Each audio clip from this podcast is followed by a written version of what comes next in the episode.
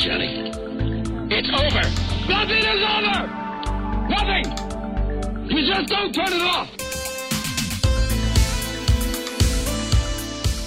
Det blir alvorstungt i ukas Lolbua. Det skal nemlig handle om uh, noe vi alle skal oppleve minst én gang i livet, nemlig døden. Velkommen skal du være. Jon Cato heter jeg. Vi er på episode 179 av Lolbua. Jeg har med mine vanlige medprogramledere. Lars, hvor lenge har du igjen å leve, tror du? Jeg tipper faderen holdt sånn midten av 60-årene. Jeg tipper det samme. Ja, er du over halvveis, vil du tro? Ja, ja, ja. Ja.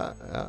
Du da, Magnus. Du regner med du, du, samler jo spill og filmer og opplevelser som en gal, så du må jo leve til du skal bli 120 hvis du skal rekke overalt. Jeg ser jo alt hele tida. Det er du som har alle de reinverkstad-prosjektene dine. Jeg, jeg ligger i, i, front på alle mine prosjekter, men jeg, jeg regner alltid med Så du kan, med, du kan dø lykkelig i morgen, er det du sier? Definitivt. Så lenge jeg bare har sett alle seriene mine, så er jeg det, det, er all good. Vi har med uh, en uh, fantastisk gjest i dag som vi har snakka om i nesten 100 episoder at vi har villet ha som gjest. Og nå, uh, nå var The Stars Aligned. Uh, Erlye kom opp av havet. Uh, Kutulu danser. Og Gøran, du har joina oss. Gøran Karlsvik. Forfatter av Snart kommer ut med en bok om dødsstraff i Norge. Jepp. Den, den, den er her, den. Sweet, sweet. Eh, den skal vi snakke mer om eh, litt senere i sendinga. Men du er en mann med mange hatter, har vi skjønt. Eh, det verserer en hel haug av rykter om deg rundt i hovedstaden, om ting du har drevet med. og affiliasjoner. Jeg ser du ble litt nervøs nå. Så jeg har funnet gravd opp seks sånne rykter om deg, som du nå kan få avkrefte eller bekrefte eller utdype, så at lytterne vil bli litt bedre kjent med, med Gjøran. Er du klar? Ja. Rykte 1. Du har utforska alle katakomber og gravkammer som ligger skjult under Oslo. Det er forholdsvis uh, sant. Er, er, det mye av det? Ikke så veldig mye, egentlig. Uh, det er mye under Youngstorget, f.eks., og i uh, ja, den basaren på, på, torget der. Ja. ja det, men det, det, er veldig mye bunkere og mye, mye moro ellers òg. Vi har jo til og med en del i Nordmarka. Hva er det kuleste du har funnet i en uh, bunker eller katakombe? Det kuleste jeg har funnet, er vel de mer rurale tinga. Der jeg har funnet, funnet ganske uberørte, forlatte hus. Det er veldig fascinerende. Ser ut som folk har stikket på dagen for 50 eh, år siden. Står det der uberørt med, med tonnevis av kattematesker og store hoarder-tendenser, kan du si. Så det, det, det, er jo et eller annet med de historiene bak de stedene som gjør at det blir uh, veldig gøy å utforske ja. det. Men det er liksom gravkammer under Youngstorget? Nei, ikke gravkammer. Nei. For jeg lurte på om vi, vi danser på grava til døde mennesker når vi Ja, det gjør vi, gjør vi når vi er i Sofienbergparken f.eks. Der ligger det ca. 5000 arme sjeler fra Oslos verste strøk. Så, eh, så, hver gang en partysvenske pisser der, så Sofienbergparken? Ja, nei, det var jo et arbeiderklassestrøk, det. Og eh, det, der ligger det jo begravd folk i flere lag, deriblant koleraofra som uh, lå på Ankerløkka til, til, det ble dreneringsproblem og koleralika måtte fraktes med hest og kjerre til, til Sofienbergparken og gravlegges der. Gladstemning med en gang i ukas Lolbua. Vi har, har, flere rykter her. Seks rykter har jeg. Rykte nummer to. Du spiller i et U2-coverband som heter This Sect. Det er en grov forenkling av uh, fakta. Uh, det, det, det, det, ryktes at vi, ryktes at vi begynner å høres ut som U2. Uh, det er jo sterkt imot, i og med at U2 er kanskje det bandet jeg hater mest. Sidestilt med Pearl Jam og The Police, kanskje.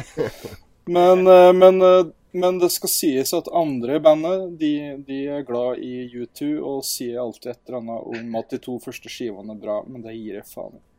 Ja, ja, Men du, du, har et band som heter This Sect? Ja, det har jeg. Det har jeg hatt i ja, siden 2003. Ja. Så vi har gitt ut mye rart og spilt land og strand og hatt det mye moro. Rykte tre. Du har vært redaktør for Fantomet. Feil. Det er feil? Ja, Fantomet har jeg ikke vært redaktør for. Jeg har deriblant vært redaktør for eh, alt av eh, Marvel-utgivelser i Norge i en eh, periode. Og Larsson skal i verden, kollektivet Tommy og Tigeren og en hel rekke bøker og albumutgivelser. Mm. Men ikke Fantomet. Ikke Fantomet, dessverre. Bu! Skulle gjerne, skulle gjerne vært redaktør for Fantomet og fått han tilbake i svart-hvitt, der han hører hjemme. Oh yes. Jeg så, Helt eh, riktig. jeg så på nettet før sending, jeg måtte jo bare google navnet ditt. Det er litt sånn last minute research her. og så fant jeg et bilde av deg på en seng med Star Wars-blader. Um, har du veldig, Mange, veldig mange blader, kanskje? Jeg har en, eh, jeg har en sånn mancave i kjelleren med eh, veldig, veldig, veldig mange tegneserier og et fint lite utvalg av eh, assorterte actionfigurer og eh, en del vinyl. Men ja, tegneserie er kanskje den største samlelidenskapen. Ok, Var det der liksom nerdegreia begynte, eller? Nei, det begynte Alt det der begynte jo litt parallelt. Altså, tegneserier var jo min første love, men eh, på 80-tallet var jeg jo like glad i Commodore 64 og skateboard og skrekkfilm og heavy metal, så Men tegneserier er veldig, veldig, veldig, veldig viktig for meg. Det er superfunny. Rykte nummer fire. Du er fetteren til Porno-Tanja. Det er feil. What? Hvor du får det ryktet fra? Nei, akkurat det her ryktet tok jeg ut av lufta, for jeg måtte jo ha et som jeg visste var helt feil. Så det ble dette ryktet. Eh, nei, du har, men du, jeg har hørt at du har vært eh, og overvåka eller møtt eh, pornoskuespillere, bl.a. en eh, dvergskuespiller. Ja, jeg hadde en, eh, hadde en eh, ganske livlig helaften med den flinke skuespilleren Bridget the Midget. Flink? Det høres eh, Ja, Det høres bra ut. Du vet, Lars har jo vært på pornofilminnspilling med hva heter hun, Tanja Nei, Monica Sweetheart. Ja. mm, Så der, der har dere jo noe felles. Bridget the Midget og Monica Sweetheart. Kan skrive under på at Monica Sweetheart er veldig, veldig flink.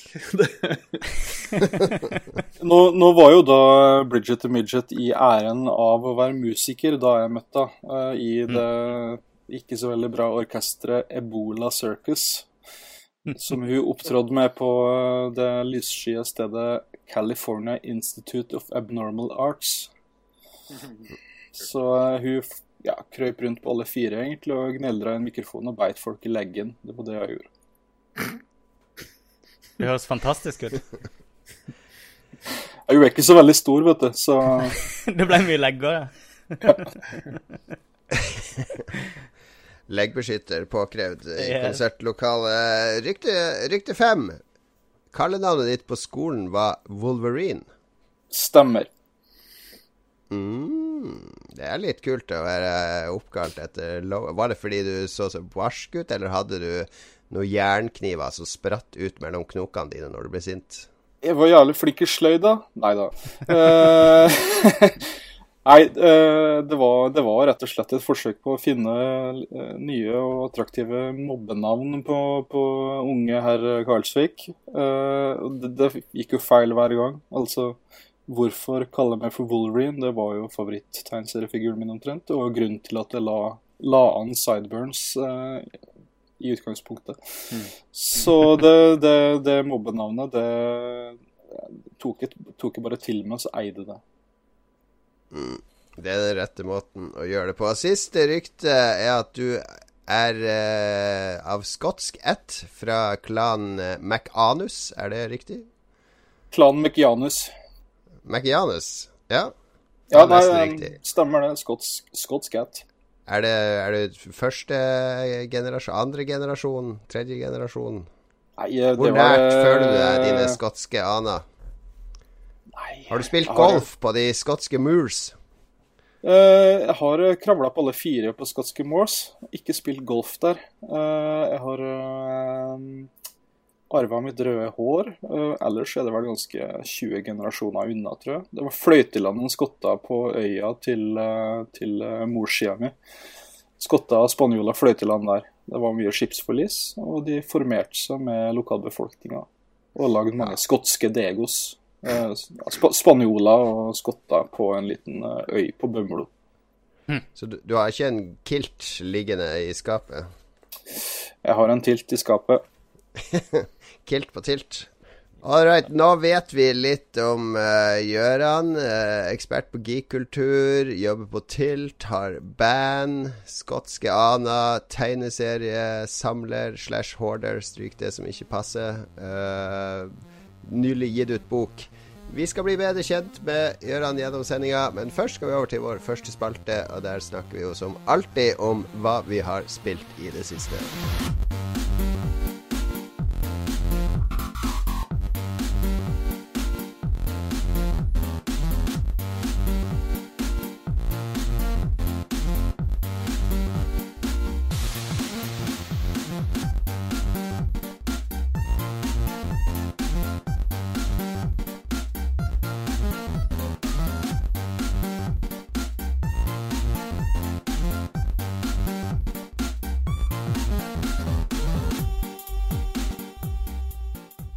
Hva har vi spilt i det siste, karer? Det er jo vår jobb, hvis vi kan kalle det vi gjør her for en jobb. For vi tjener jo ikke Vi går jo med dundrende underskudd hvert år.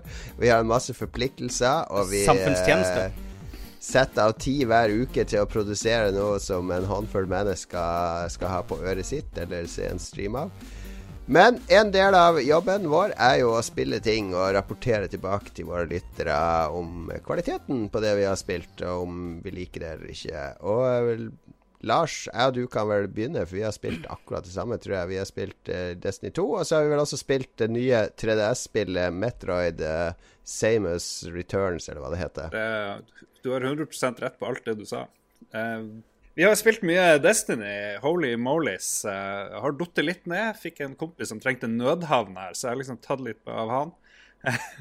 så det er, det er ikke like gøy å sitte og spille raid i fem timer når du har en kompis eh, som må bo hos deg fordi han eh, Unormale omstendigheter plutselig. Så, men eh, før det, da, så har vi vel spilt 50 timer, kanskje? Destiny.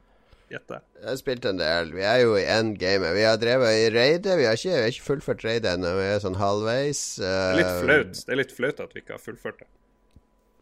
Vårt flinke entourage har fullført det, da. Men uh, vi har jo en klan som er veldig levende og aktiv. Vi har 100 medlemmer, 99 på PlayStation og 1 på Xbox. Jeg sparka ut Magnus her om dagen fordi vi trengte plass til flere. Sorry, Magnus. Nei, det går greit for meg. Eh, og det, det, er jo, det er jo morsomt å ha en klan som tjener XP til klan og leverer engrams til alle medlemmer. Og jeg, jeg syns spillet leverer. Jeg har fått spilt ganske lite i det siste, men det betyr bare at jeg har masse å gjøre der. For jeg ser det er en del sånn murring på Reddit og sånn nå med OK, jeg har tre karakterer på 305, nå har jeg ingenting å gjøre. Uh, OK, ja, du har spilt 130 timer Destiny Ja. nå på tre uker og så har du ikke noe mer å gjøre. Det er jo Det er ganske vanskelig å catere til den type spiller, syns jeg, da. Ja. Hvor mange spill er det du har dritmye å gjøre etter 130 timer? Det er jo noen, selvfølgelig. Men, Alle MMO-er.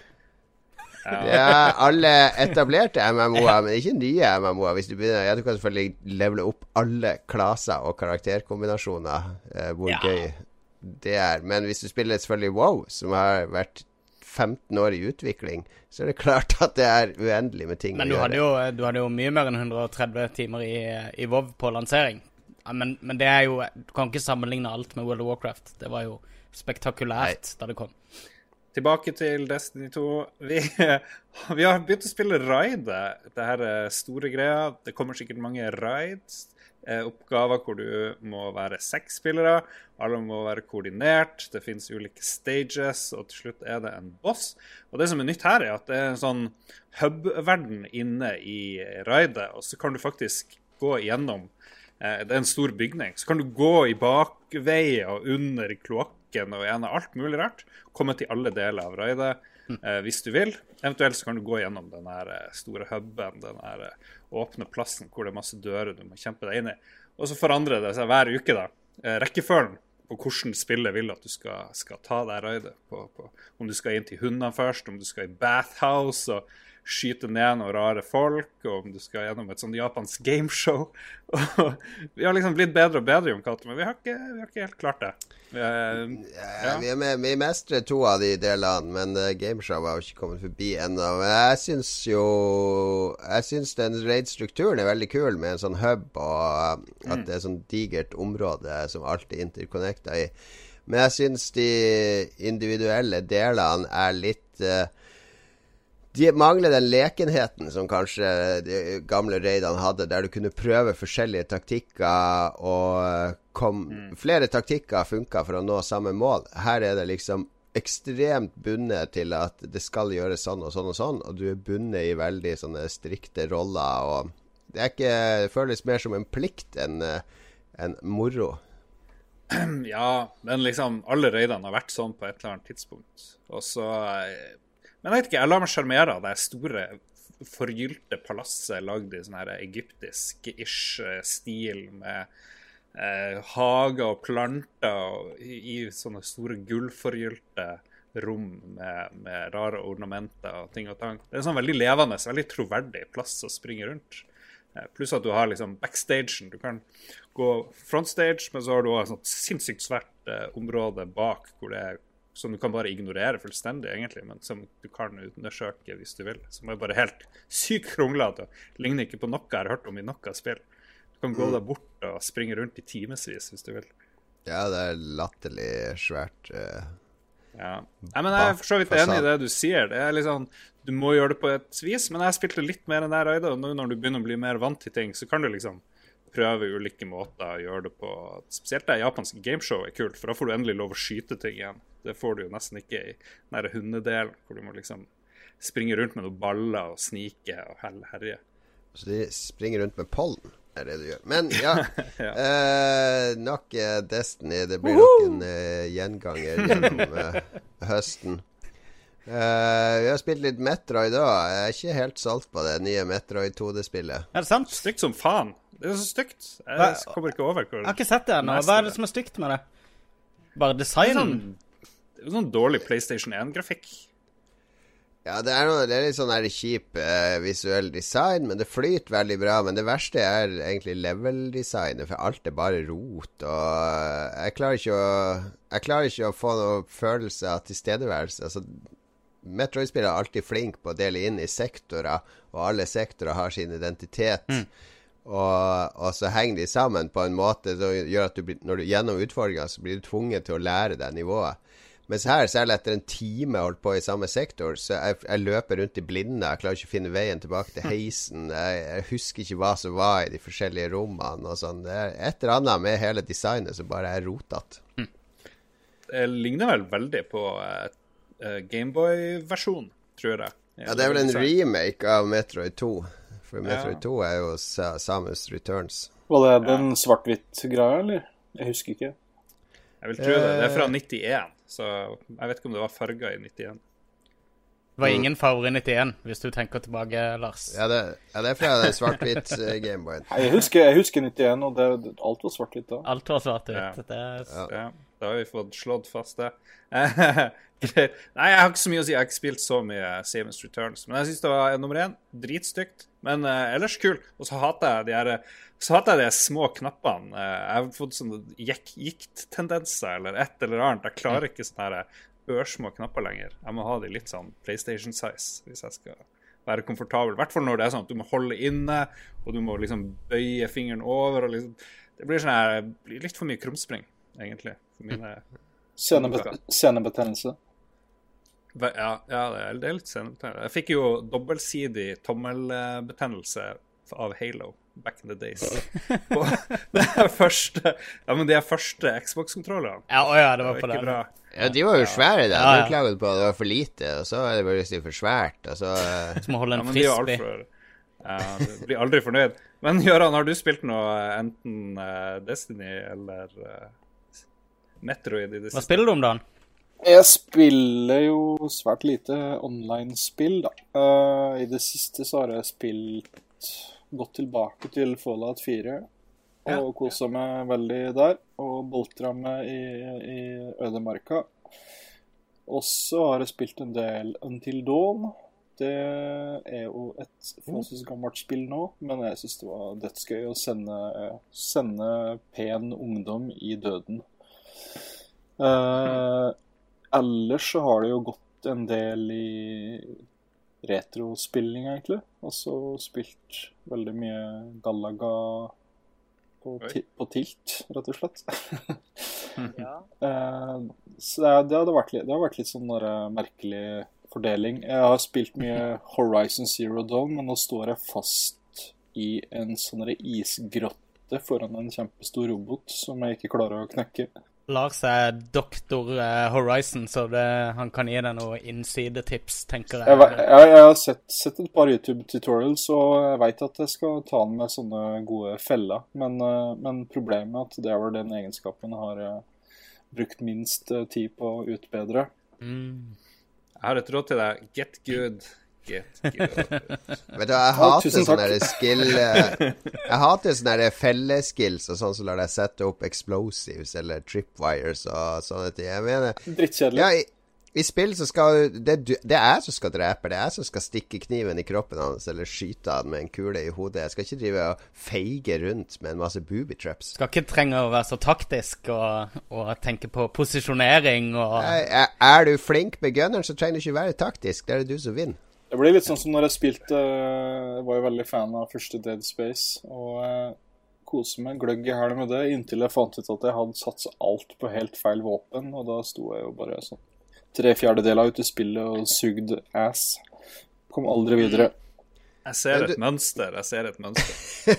Men du nevnte eh, Galaga og Tilt, og det kan vi jo Kan vi ta en shameless plug for hva som skjer neste uke på Tilt nå, Ja. egentlig? Syns Fordi det. eh, du, dere åpner jo en eh, arkadehall i kjelleren, har vi skjønt. Jepp.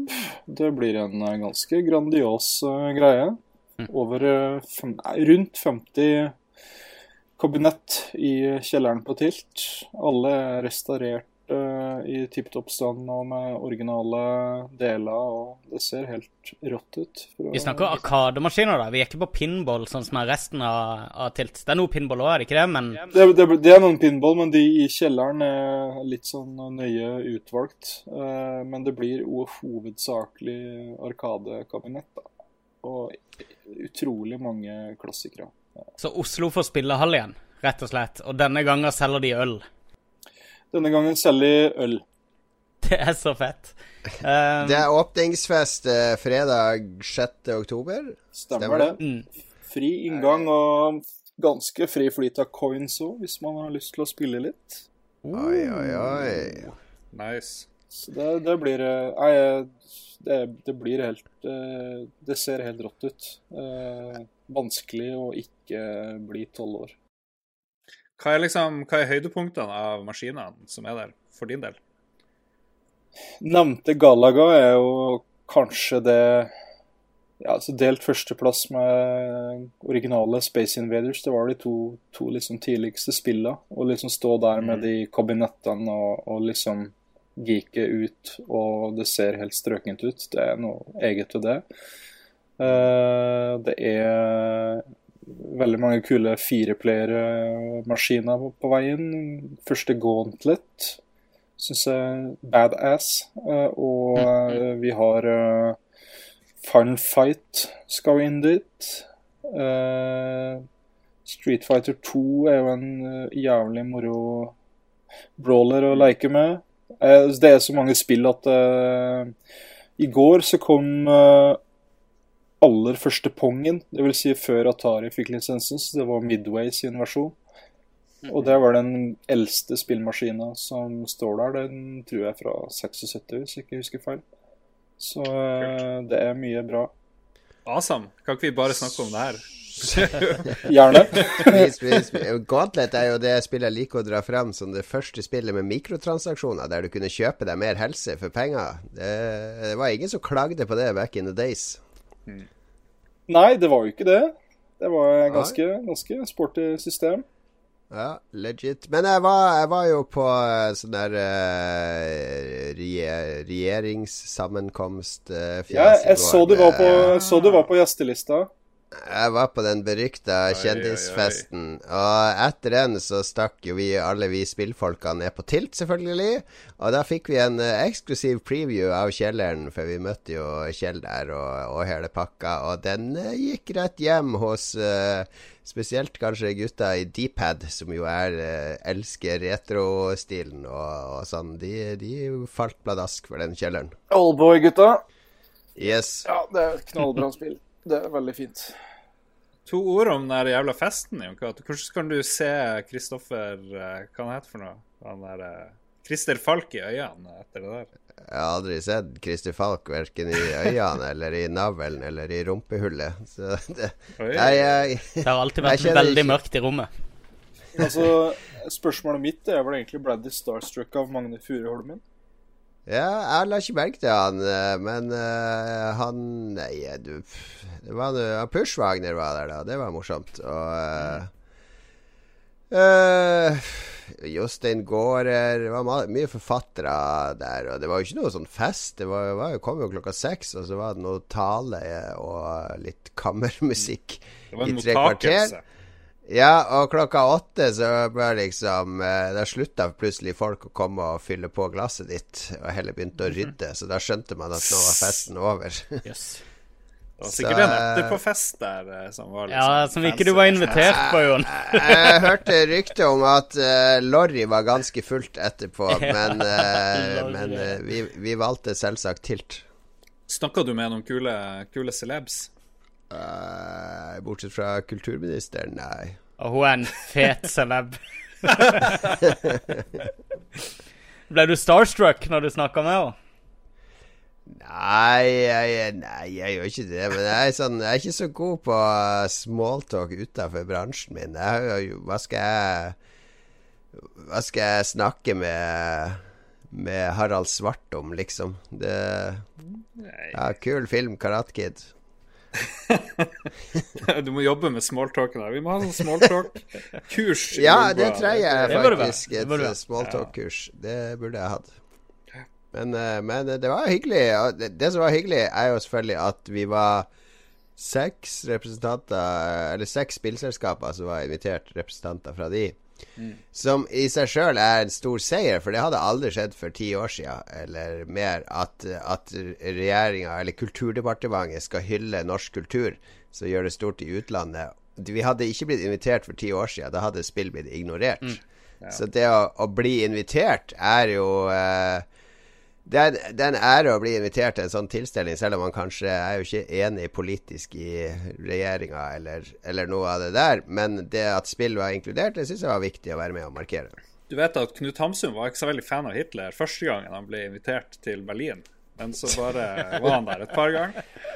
Ja. Jesus Christ, da gikk det 30 minutter Det var classy Hitler Den kan du ikke ta den Ja. på, Jon. Den var classy. Greit. Altså, greit. Da, Hitler grows on you. Var jo ikke det Hamsun sa?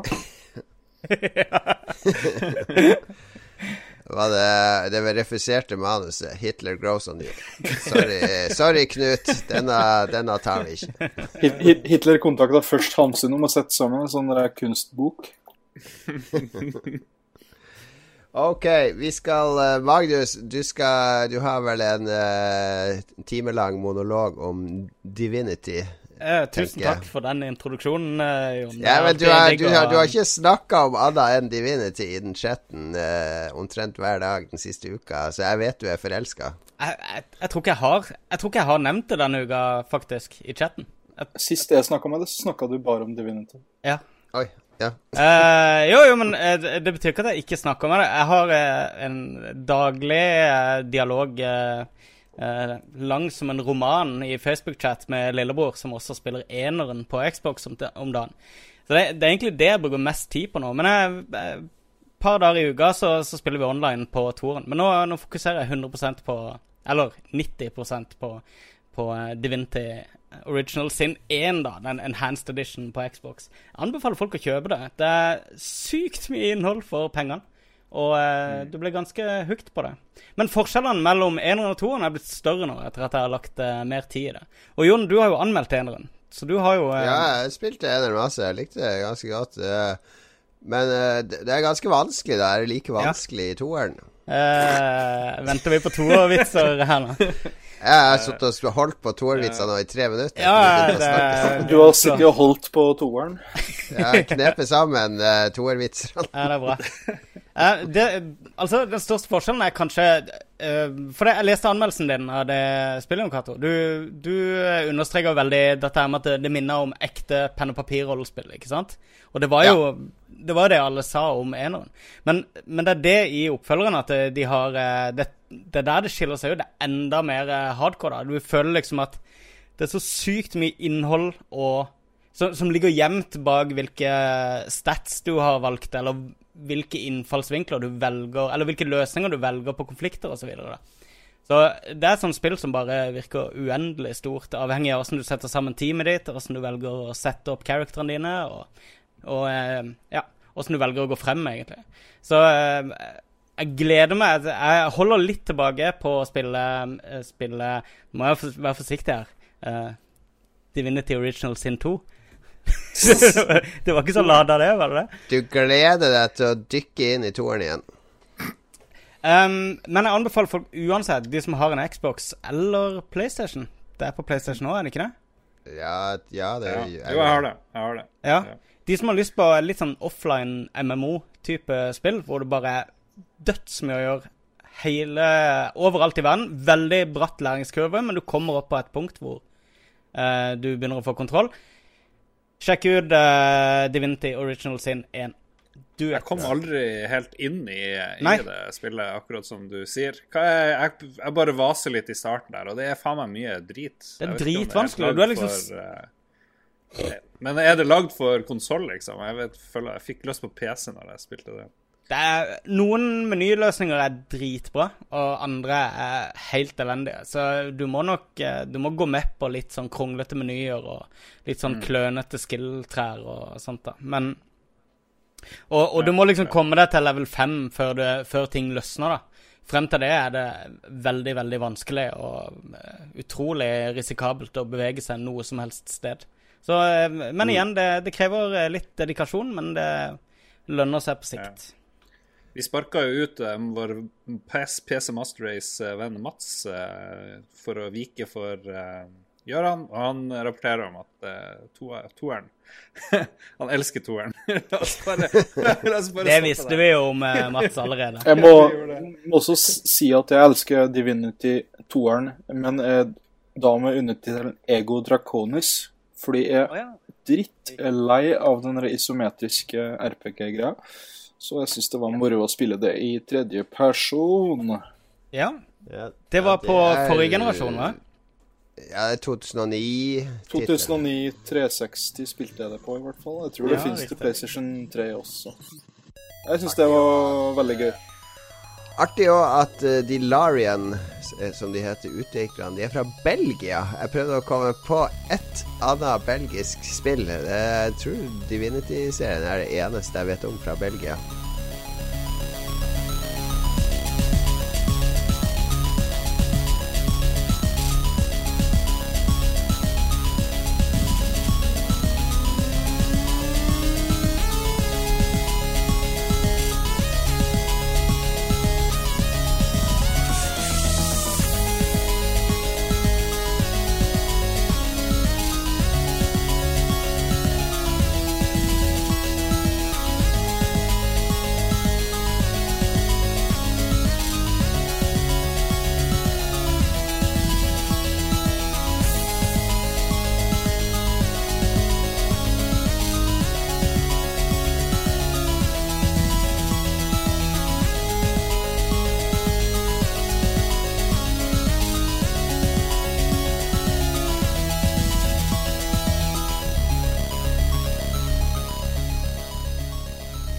Det skal handle om døden, endelig.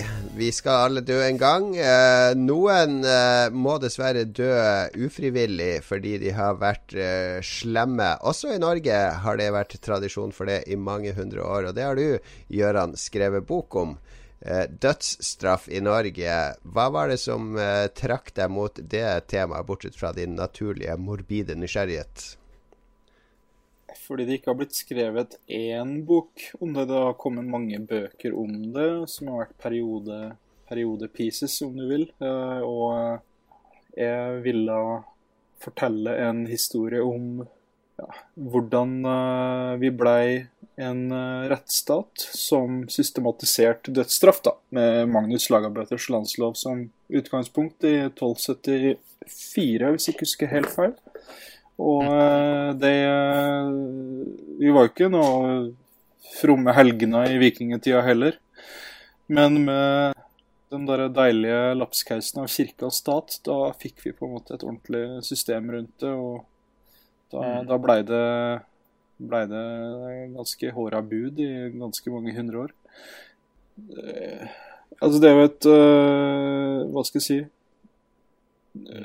absurd, absurd at i det øyeblikket vi blir en sivilisert rettsstat, i det øyeblikket blir vi også en, eh, en, en fabrikk for, for, for, henrettelse. Altså det Ja,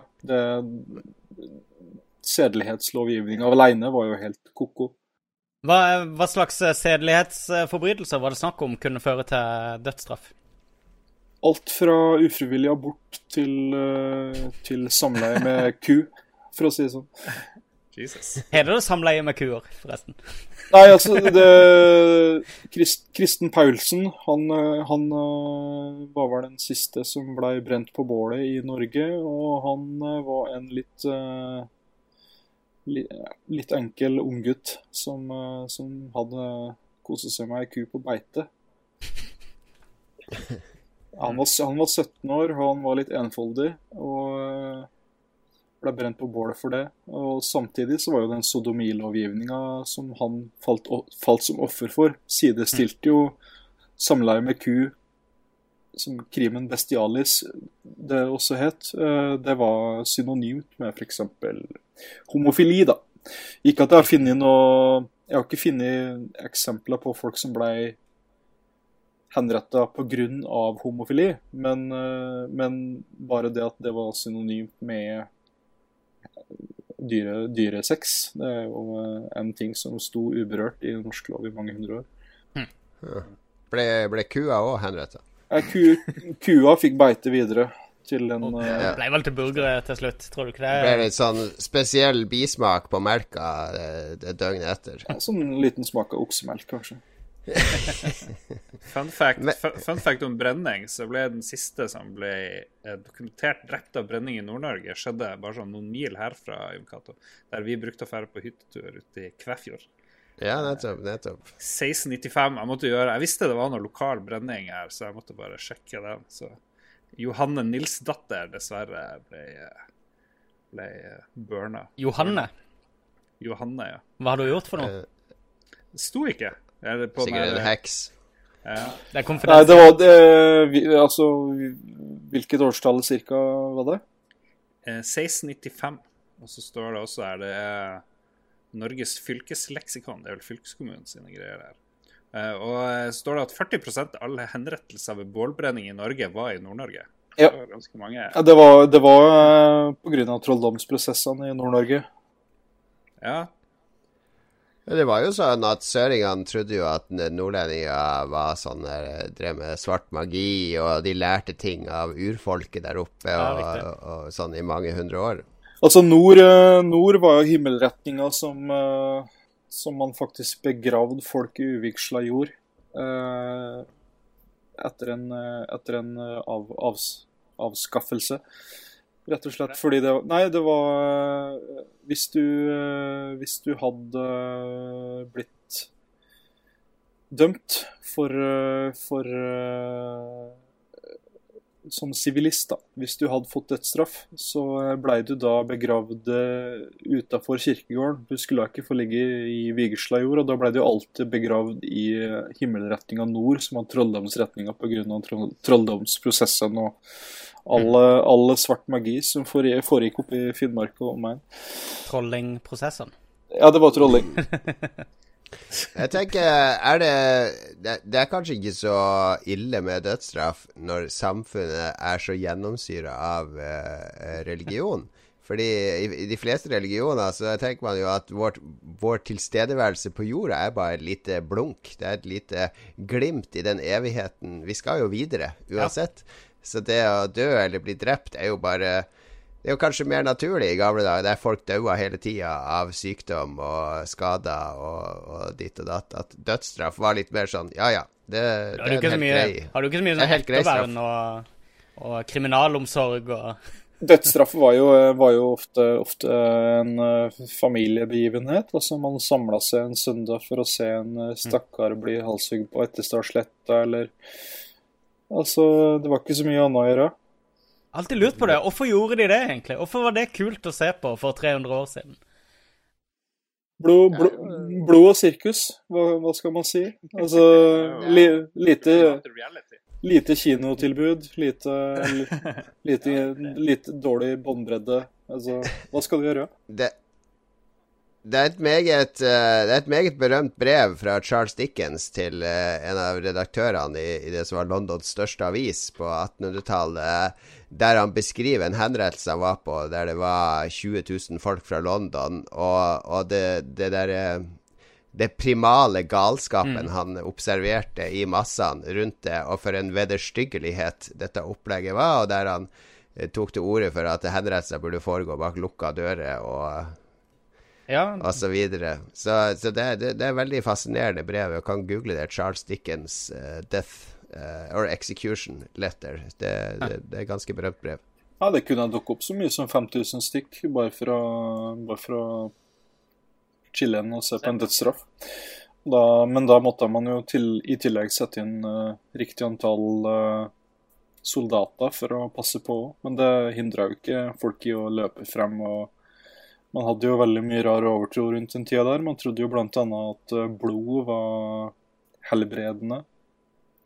Så det var mm. populært å, eh, populært å eh, prøve å seg litt blod fra den dødsdømtes hals, fordi Er det sant? Ja, fordi, fordi man, man, trodde at det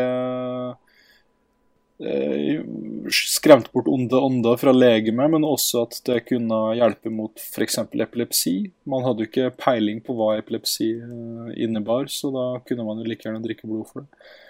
Mm. Så de, de, drev liksom og henretta folk for typisk å lage penicillin eller whatever. Og så, eh, men, for da er de hekser og sånn, og så er det rett opp å drikke blodet av den avskårne halsen. Da er det liksom sånn Ja, nei, det er jo vanlig skolemedisin. Det er jo, eh, det er jo etablert. Jeg har lest om et tilfelle på øya Smøla i Nordmøre, der, eh, der der en kis ble halshugd, og etter, etter, det så var det jo vanlig at bøddelknekten tok og passe på og hjalp til med å begrave vedkommende. Men her kom det to jævlig brautende voksne menn inn og greip fatt i den der halshugde kroppen og bare styrtdrakk fra halsen. Jesus. Men, eh, men når, jeg leser, når, jeg leser, Facebook, og du får liksom tilsendt eh, folk som går dypt inn i sånne anti innvandringskretser osv. som skriver om ja, nå må vi drepe de og sende de ut osv., så, videre, så føler jeg at det her dødsstraffgreia er liksom ikke så langt unna som vi kanskje tror. Det er jo dødsstraff i dag i USA, og det er jo ganske populært uh, der, egentlig. Så uh, jeg vet ikke hvor mye skal til for at vi får det igjen i Norge, liksom, ved en, en eller annen tilfeldighet politisk. Jeg vet ikke. Bondevik III-regjeringa. Vi, vi, vi, må rett og slett eh, komme i akutt eh, sosial nød igjen, og det må bli en liten en aldri så liten perfekt storm rundt ja. elendighet og, og Altså, vi, vi, har jo et ganske bisarro politisk klima for tida. Mm. Så, så man skal jo aldri si aldri. Vi har jo oppheva dødsstraffen eh, tidligere i Norge. Har vi? Har vi hatt pauser fra dødsstraff? Mm. Og så innførte vi det igjen. Altså, vi innførte det jo etter andre verdenskrig. Det var jo streit, på en måte. Men uh, er det den eneste pausen vi har hatt, eller har det blitt innført andre ganger? Altså, vi, vi lot den militære når vi, når vi avskrev det i 1902, så lot vi den militære dødsstraffen uh, stå som en liten sånn fotnote, i den tro at ingen kom til å bry seg. Men så blei det jo til at vi tok det opp igjen, ikke sant. Og Det, det, var, det var jo Det var jo eh, Altså, hvor rask var rettergangen eh, i krigsoppgjøret? Det tok jo bare noen få uker, så hadde vi skutt eh, noen og 30 mennesker, liksom. Ja, riktig. Jeg, jeg, Lars, jeg lurer på, du er jo eh, tett med, med vår justisminister Per-Willy Ja. Amundsen. Er, tror du han er tilbøyelig til å gjeninnføre dødsstraff i Norge? Er Per-Willy en som kan si ja, fuck it, vi gjør det? Ja, han snakker sånn. Du må ikke stikke under stolen at det er du som er kompisen hans her, men OK, jeg bor nærmere han. Jeg har ikke mobilnummeret hans, det har du. Og jeg ringer han ikke fra Tilt i fylla, det gjør du. Guilty, guilty as charged. Du må drepe meg. Pass på, pass, pass på hva du sier da når du ringer fra Tilt i fylla og snakker med han. Ja, det var det. Du må være forsiktig. Du skal anonym ringing. Nei, jeg tror Frp de er jo USA. De digger USA og tingene de gjør der. Og det skal ikke så mye til før vi får dødsstraff i Norge som vi skulle tro, kanskje. tror jeg. Men eh, jeg, jeg tenker utviklinga av dødsstraff i Norge fra la oss si da 1200-tallet og frem til da det da det, da det ikke ble så populært lenger. Var det noen sånn trender? liksom, var det liksom, OK, nå dreper vi dem sånn, og nå dreper vi dem sånn. Altså, Hvordan funka det? Hva var moten i, i dødsstraffen? Nei, moten eh, var jo veldig lenge Kvinnfolk eh, var de som ble brent, og mannfolk var de som ble hengt og halshugd. Eh, Hmm. Utover eh, hundreåra her så fikk vi jo en del tilleggs, eh, tilleggsdommer som man begynte å klemme inn i lovverket. Sånn at man fikk både pre- og post mortem-straffa. Altså det holdt, det holdt ikke Det var en periode der det ikke var Det holdt ikke å bli halshugd. Du skulle, du skulle få, få en sånn eh, En hel rekke med tilleggsstraffer før, før døden inntraff. Eh, Det avhang jo på hvor mange ting du har gjort. Altså hadde du tilleggsstraff for eh, mordbrann, tilleggsstraff for tyveri, tilleggsstraff for hor. Det var jo mange sammensatte rettssaker her. Sånn at uh, i verste fall så kunne man jo uh, få en straff der du måtte innom alle åstedene dine og brennmerkes på hvert jævla åsted. Og så Jo. Og så, eh, når du omsider kom frem til eh, retterstedet, så kunne man jo være riktig uheldig der og få kappa av høyre hånd. Før du ble halshugd, og deretter så skulle man jo, i og med at den fysiske avstraffelsen eh, Man tolka jo, tolka jo at det skulle, gjens, det skulle rett og slett gjenspeile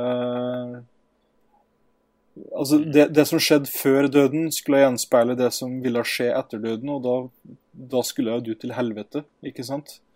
Sånn at det var, det var, det var lidelse det, det gikk i. Og, og så når du da omsider kanskje var halshugd, så, så kom, kom det tilleggsstraffa der.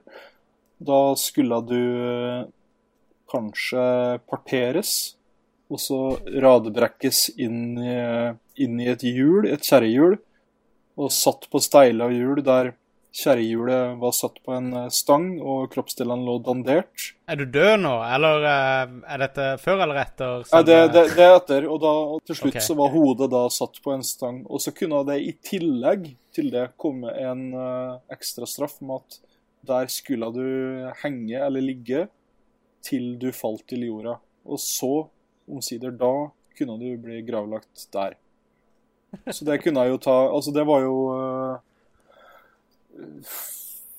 flere sånne landeveisrøvere, blant annet. Det var jo veldig vanlig med landeveisrøveri i Norge. Pga. Uh, transportårene våre var jo litt begrensa, og Grisegrendte strøk var jo lett å, lett å skjule seg på.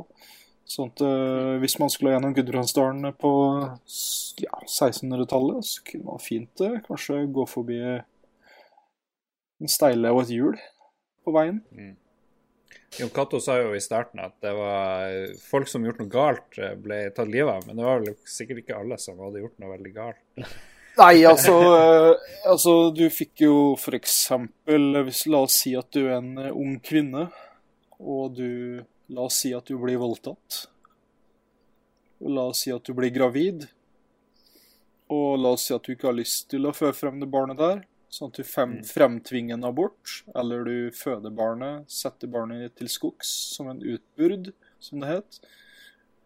Det var dødsstraff. Men la oss også si at du faktisk prøvde å bære frem barnet og spontanabortert. Hvis ikke du hadde kyndig personell til tide akkurat der og da, og ikke hadde noen uh, vitner på at det var en spontanabort, at det var ufrivillig, så var det uansett da kategorisert, kategorisert som såkalt uh, infanticid, barnemord, Når var det? i mange hundre år.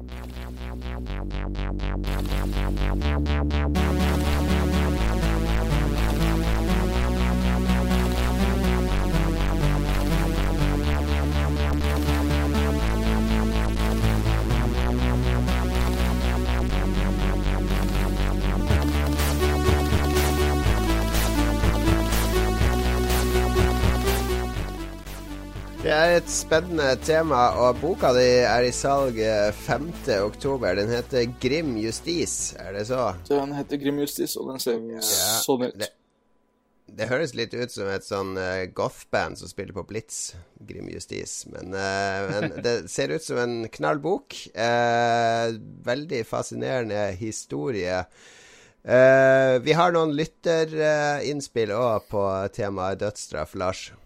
Jippidu, litt sånn eh, både og eh, der. Eh, Sleit med å finne noe sånn morsomt og engasjerende på temaet dødsstraff, overraskende nok. No shit. Men vi fikk en del svar. Blant annet spurte vi hvem som fortjener dødsstraff, bare for å liksom fyre litt opp, sette det litt på spissen. Og Torbjørn Skau han gikk hardt ut da mot dødsstraff. Og sier at eh, du trenger bare ett argument mot, og det er at folk innimellom blir uskyldig dømt. Og så eh, drar han frem noe sånn her bestialitetens historie og brødrene Karamazov, hashtag intellektuell masturbasjon. det får være. Men for min del, så ja, selvfølgelig er det et godt argument mot dødsstraff. Men for meg så er det jo det her med å bare åpne for å drepe folk, eh, er liksom der det stopper for meg, da. Jeg føler at hvis vi Slip, slippery slope, kan du si. Ja, nettopp. Liksom, hva, hvorfor skal bare staten få lov å drepe folk? Eh, Nei, da, var det, da, da, da kan man si at vi var rausere i vikingtida, for der var det jo ofte en folkeavstemning i bånn der. Altså i, i den der indre lille vikingkommunen. Så kunne man, eh, kunne man bestemme seg for at den drikkfeldige seriemorderen blei ble knerta, liksom. Det, det kan man jo Da hadde jo folket, i det minste folket, folket noe å si. det er jo det er jo ikke så mange land som har dødsstraff. Eller er det det? Jeg vet ikke, jeg tenker Kina og Nord-Korea, USA. Iran, Irak, Saudi-Arabia Det er litt sånn weird samling land, er det ikke det? Hvorfor er det USA er så beinhard på Det er jo, det er jo kanskje det jeg nevnte tidligere, eh, religion. Altså USA er jo gjennomsyra av religion, det òg. For det Altså, hvis, altså, hvis myndighetene hadde styrt Eller hvis opinionen hadde styrt straffeutmålingene i Norge, så har jo vi hatt en haug med dødsstraffer de siste 30 årene. Altså, men vi- vi har liksom et rettsapparat som ikke lar seg styre sånn av opinionen. Og det skjer kanskje mer i USA, så det er vel litt det òg, er det ikke det? At guvernørene som eh, beordrer eh, eh, disse dødsstraffene, også skal ta gjenvalg i i stater hvor folk er veldig hypp på umiddelbare reaksjoner. Tenker jeg, da. Du har et poeng. Takk. Eh, Norvegicus delirius skjuler seg bak eh, pseudonym og kommer med harde uttalelser og vil gjerne ha dødsstraff for de som kommer med politiske uttalelser på Facebook, og, og ikke eh, engasjere seg politisk i stedet. Så det var en slags mystisk eh, oppfordring til politisk engasjement. Den var generell, syns jeg. Ja, st- sterke meninger. Det er vel Er ikke det egentlig en politisk uttalelse? Ja, det er jo det, ikke sant. Det er det. Men Så, han, han, skjønner, han skjønner hvor han står, for han sier at også overdreving banning på pose og forum må faen meg være mentalt tilbakestående for å ikke kunne formulere seg uten alle banneord. Så ja. Ja, riktig. Stiller seg, eh, stiller seg først i køen, i hvert fall. Det er jo diplomatisk. Vi, vi, vi, vi kan si at han stilte seg laglig til hugg. Ja, det kan vi si. Trond, eh, Trond Borgersen han har gjort research, og han skal sette på plass eh, Gjøran, tror jeg. For han eh, mener uttrykket 'fytti rakkeren' kommer fra den tida skarpretteren, altså bøddelen, hadde med rakkeren som hjelpemann under henrettelser i Norge. Stemmer det, Gjøran? Det kan stemme. Vi hadde jo rakkervesenet, som var da eh, altså eh, Ja, de, eh, de som gjorde eh, skittjobbene eh, som eh, skarpretteren etter hvert hadde litt for lite tid til.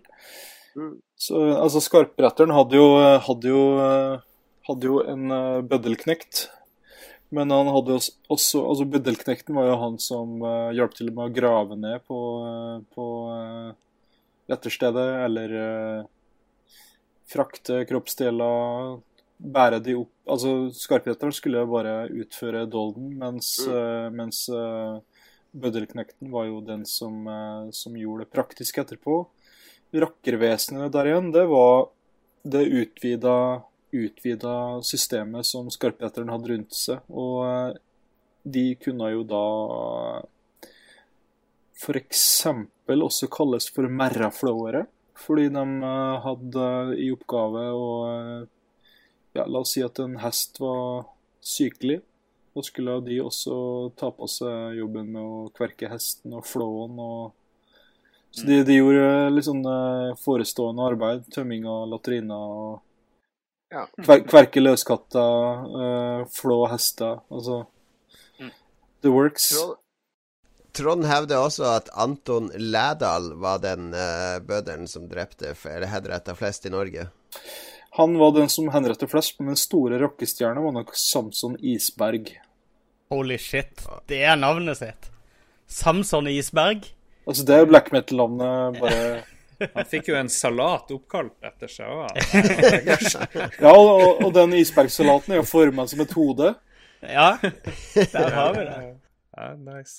Han skriver at Anton Lærdal, Lærdal ble så Han fikk parkinson og sleit med å gjøre jobben. Ja, han var- ble, ble skjelvende i hendene mot slutten der, dessverre. Så eh, den, den gangen han måtte bruke tre til fire hugg for å separere hodet fra halsen, da skjønte han at han måtte pensjonere seg. Ja, Det er et, et sikkert tegn. Jeg husker for noen år siden eh, så Altså, se for deg Michael J. Fox, da. Altså, prøv å se for deg ja. det, ja, Jeg husker for noen år siden så utlyste Saudi-Arabia stillinger som bøddel. Altså, de trengte en ny bøddel, og det var sånn normal jobbannonse eh, som du kunne finne på nettet, da. Med å, ja, kanskje, det, kanskje det er bra karrierevalg. Ja, Gå bøddellinja på, på videregående, og så videre opp eh, og ta Ta i hvert fall eh, en bachelor i bødling før du eh, Hva, hva, hva skulle du spesialisert deg i på bøddelinja? Hva slags henrettelse var din eh, Du må jo spesialisere deg i en Ja, det vil jeg si. Ja, altså Før eller senere så måtte du egentlig spesialisere deg i halshugging. Om at det var det det til syvende og sist blei gym. eh, Vi, vi kvitta oss jo etter hvert med både henging og drukning og brenning og diverse, så til slutt så var det jo bare halshugging som gjaldt. Fre, frem, frem, til, frem til etterkrigsoppgjøret, da var det jo arkebusering, altså skyting. Mm. Riktig. Hvis uh, Skal vi avslutte denne spalten uh, uh, og stille oss sjøl spørsmålet Hvis vi ble dømt til døden, hva slags henrettelsesmetode hadde du valgt for deg sjøl? Jeg tror eh, Jeg er jo den som har spørsmål, så jeg har jo tenkt på det før. Jeg tror jeg hadde valgt å stå med bind for øynene og bli skutt av en eksekusjons... Nei, kom on. jo, Mens du står og griner som foran en haug med folk. Ja, ja, ja. Skal, da skal jeg ha Jeg skal gjøre det litt sånn eh, romantisk. Jeg skal ha den der siste sigaretten som jeg skal røyke Den første sigaretten, du? Den første og siste Får sånn sigaretten. der forferdelig nikotinsjokk like før du blir skutt. Blir litt sånn Altså, skjelven i beina og Når ramler. han Du får bli sånn is, iskald, eh, iskald svett i beina. Bare sånn Når, når sersjanten spør om jeg skal binde bind for øynene, skal han si nei, det trenger jeg ikke. Og så skal når han går bort og sånn, når de begynner å lade opp, så sier jo, jo, vent, jeg tror jeg tar den likevel. Og da, da kan jeg slippe løs i buksa og skjelve. Og, ja, da skal jeg Du er det, er når, min- tar, min- når du røyker en sigarett, så, eh, så setter du i gang uh, bæsjemekanismene i kroppen òg, så, eh, så Ja, det- er for å gjøre klart Yes. for, eh, for renselsen. Eh, Lars, hva velger du? Steining? Jeg skal nå i hvert fall ikke bli skutt med sånn bind foran øya. Det høres ut som den verste måten i universet å dø på. Nei, jeg tror eh, det, Å bli kasta ut av et fly, tror jeg. For da har jeg bestandig lyst til å hoppe i fallskjerm. Kan jeg liksom bare kombinere det, for jeg har liksom ikke gjort det. Får du den fallskjermgreia? ja, fortsatt ikke hoppa i fallskjerm når du treffer fakken. jo, men det er jo liksom det samme. Så, sånn Du kan få en fallskjerm som det er hull i, eller et eller annet sånt. Sånn at du har hoppa i fallskjerm. Og så blir det over jævlig fort. Det, det høres ut som uh... Og så har jeg drømt om det mange ganger, og dette ned fra sånn her eh, høyt sted. Så jeg er liksom vant til det. Så, Mm. ja. Ok, Uh, Magnus. Jeg har faktisk Jeg, jeg tenkte å fortelle det, for Gøran kikka sikkert litt på det, at en jeg vokste opp sammen med, sa at da vi typisk eh, begynnelsen av 90-tallet sånn Jo, hvis jeg skal ta livet av meg, så skal jeg hoppe ut av et fly, og så skal jeg ha eh, en sånn der boomblaster festa på ryggen, hvor han spiller Alive med Pearl Jam mens jeg faller nedover. Han tatoverte Stickman etter hvert, eh, tror jeg. Det er flere i Kristiansand som har tatovert Stickman, faktisk. Nei, jeg hadde feiga ut. Jeg, jeg hadde bare gått for det enkleste. Typ sånn her giftinjeksjon, eller Jeg liker den til, jeg liker den til Lars òg, med å bare bli dytta utfor et sted, for det er liksom bare kult. Kult å Gift er sånn kvinnemåte å dø på, da, tror jeg. ja, Gift men du bare sovner, og så er det over, liksom. Det er, det er en grei måte å gjøre det på. Jeg, jeg drømte faktisk en gang at jeg gikk gjennom en hel sånn der giftinjeksjon. Det var helt grusomt, så jeg, jeg, jeg stryker faktisk den. Det var, det var skikkelig, skikkelig skikkelig makabert. Um, så jeg skipper, jeg skipper giftinjeksjonen ved nærmere ettertanke. Jeg går for uh, Jeg joiner um, Det blir tandemhopp med meg og Lars.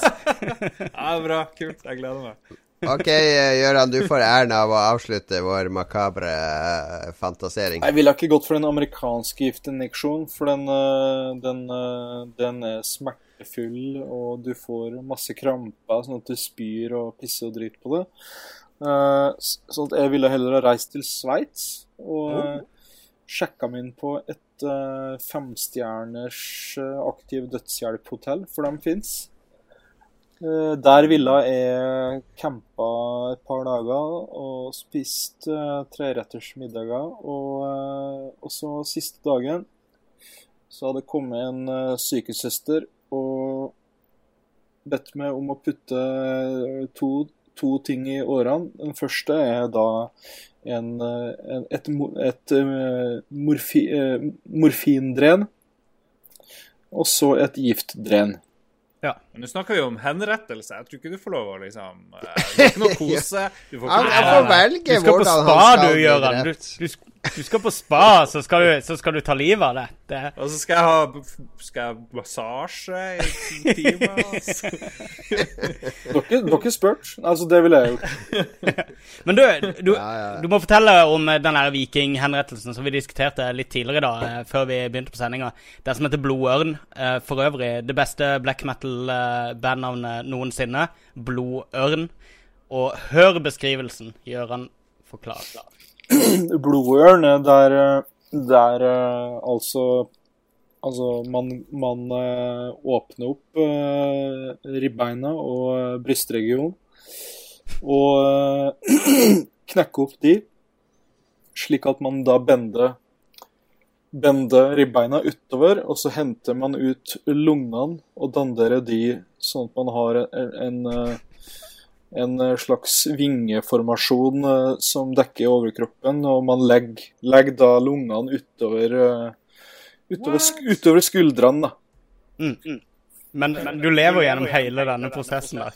Ja, ja, altså den hacksawen som må kappe gjennom ribbein og sånt, den, den tar jo ikke noe vitalt. Så du dør jo ikke før, før eh, du blør i hæl og ja, før du For, for lunga- lungene fungerer jo, man må jo bare ta seg og brekke opp uh, brystkassa, og så legge lungene forsiktig til sides over uh, skuldrene, da, egentlig. Ja. Lars, Ja. jeg er overbevist. Det blir ikke tandemhopp. Jeg går for blodørn. Eller Colombian necktie. Eller Colombia, ja, eller Colombia necktie. Det var det eh, Hvis du, eh, kjære lytter, mente det ble vel makabert og mørkt eh, i denne lolbua, så ja, det var faktisk intensjonen. Det er mye mørke og mye styggedom i, i verden, og vi er glad for at vi har vår ekspert på styggedom, Gøran, her denne gangen. Gøran, du har vært en fantastisk gjest. Takk for det. Vi tenker vi skal ha deg som gjest flere ganger, fordi du er jo en eh, kunnskapsrik mann på eh, mange områder. Så eh, tegneserier og andre ting er jo ting vi diskuterer her jevnt og trutt. Um, jeg avslutter med en anbefaling. Dra, hvis du er i nærheten av Oslo, kom deg på Tilt fredag ja. 6. oktober og sjekk ut Arkadehallen i kjelleren. Det er magisk. Altså, vi som hang på American Chicken and Burger i Harstad, som Arkadehallen het der, eller Ra 4 i uh, Oslo, rett ved Klingenberg kino. Vi trodde at det var det ultimate man fikk av Arkadehall, men når du kommer ned til Tilt, så ser du Det er som å komme til himmelen, rett og slett, for alle som var, var litt sånn glad i de arkademaskinene i gamle dager. Så ta turen til Tilt 6. Og eh, De som ikke rekker ut. åpningstida, Jørgen, eh, er det åpent hver dag, eller er det noen dager i uka? Tilt har åpent, uh, Arkadekjelleren har åpent hver dag. Oi, Mm. nydelig. Kom og spill. Uh, neste uke er det episode 180. Ja, vi er så heldige også, Gøran, får vi nesten si, at du har booka oss inn til episode 200 nede på Tilt allerede, til tross for episode 100. Det stemmer.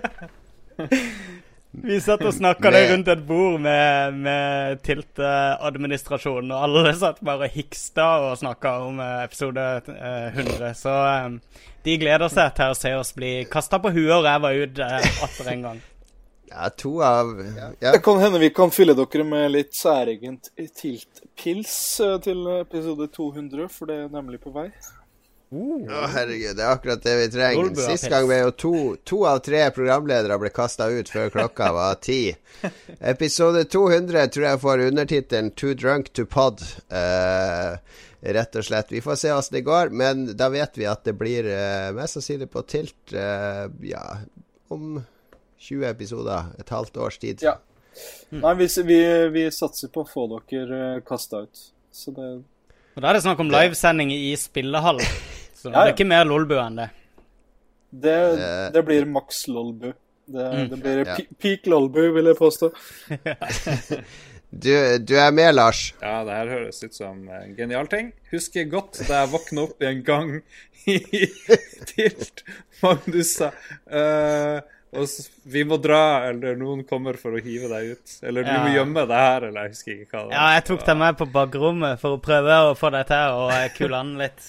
Jeg prøvde å gjemme Lars under sofaen på Ja, bakrommet. ikke under noe Den sofaen er jo kjempelav. Det er jo umulig å gjemme noen. Ja, det var ingen eh, Dette her er en historie som bare har eh, fått uante uh, endelser etter hvert som tida har gått. Det var veldig lite All right. dramatisk. Nok mimring. Vi ser framover mot episode 200. Inntil da så kan du kose deg i spillehallen eh, til Tilt. Og du kan kose deg med Lolbua. Vi, det blir muligens en rekke spesialepisoder fremover. Vi har snakka bitte litt om det, Lars. Du vet hva jeg sikter til. Vi har ikke bestemt oss helt ennå, så vi orker ikke å tease noe som kanskje ikke blir noe av. Men muligens kommer det til å bli en god del spesialepisoder fremover. Uh, og det Ja. blir bra i så fall. Vi fikk, eh, vi fikk vann på mølla etter den forrige ukes Nord-Korea-episode som jo var med Jørund eh, Pedersen. Holy fuck, de som ikke har hørt den, kjør på. Absolutt mm. verdt å få med seg. Veldig bra episode. Det blir alltid mye bedre når jeg har uh, pause, så jeg tror jeg skal ta det litt oftere. For da, da blir dere mer edgy, mer skjerpa. Uh, da vet dere at det, deres store leder Kim, Kim Jon Cato ikke står der og tar støyten foran dere. Så dere må levere. Støyten i toeren. Rocketman Jon Cato. Ladies and gentlemen, the evening is over. We hope you all enjoyed yourselves, and we'll see you all again in 1974. Good evening! Og med det, Elton John i bakgrunnen her, så avslutter vi denne episoden av Lolbua. Følg oss på Facebook, Twitter, LO, eller hvor du nå befinner deg i det sosiale, interaktive, digitale universet. Vi høres igjen om en uke. Takk til Gøran som var med. Lykke til med boklansering. Eh, løp og kjøp, løp og spill, osv., osv. Ha det bra! Ha det. Ha she's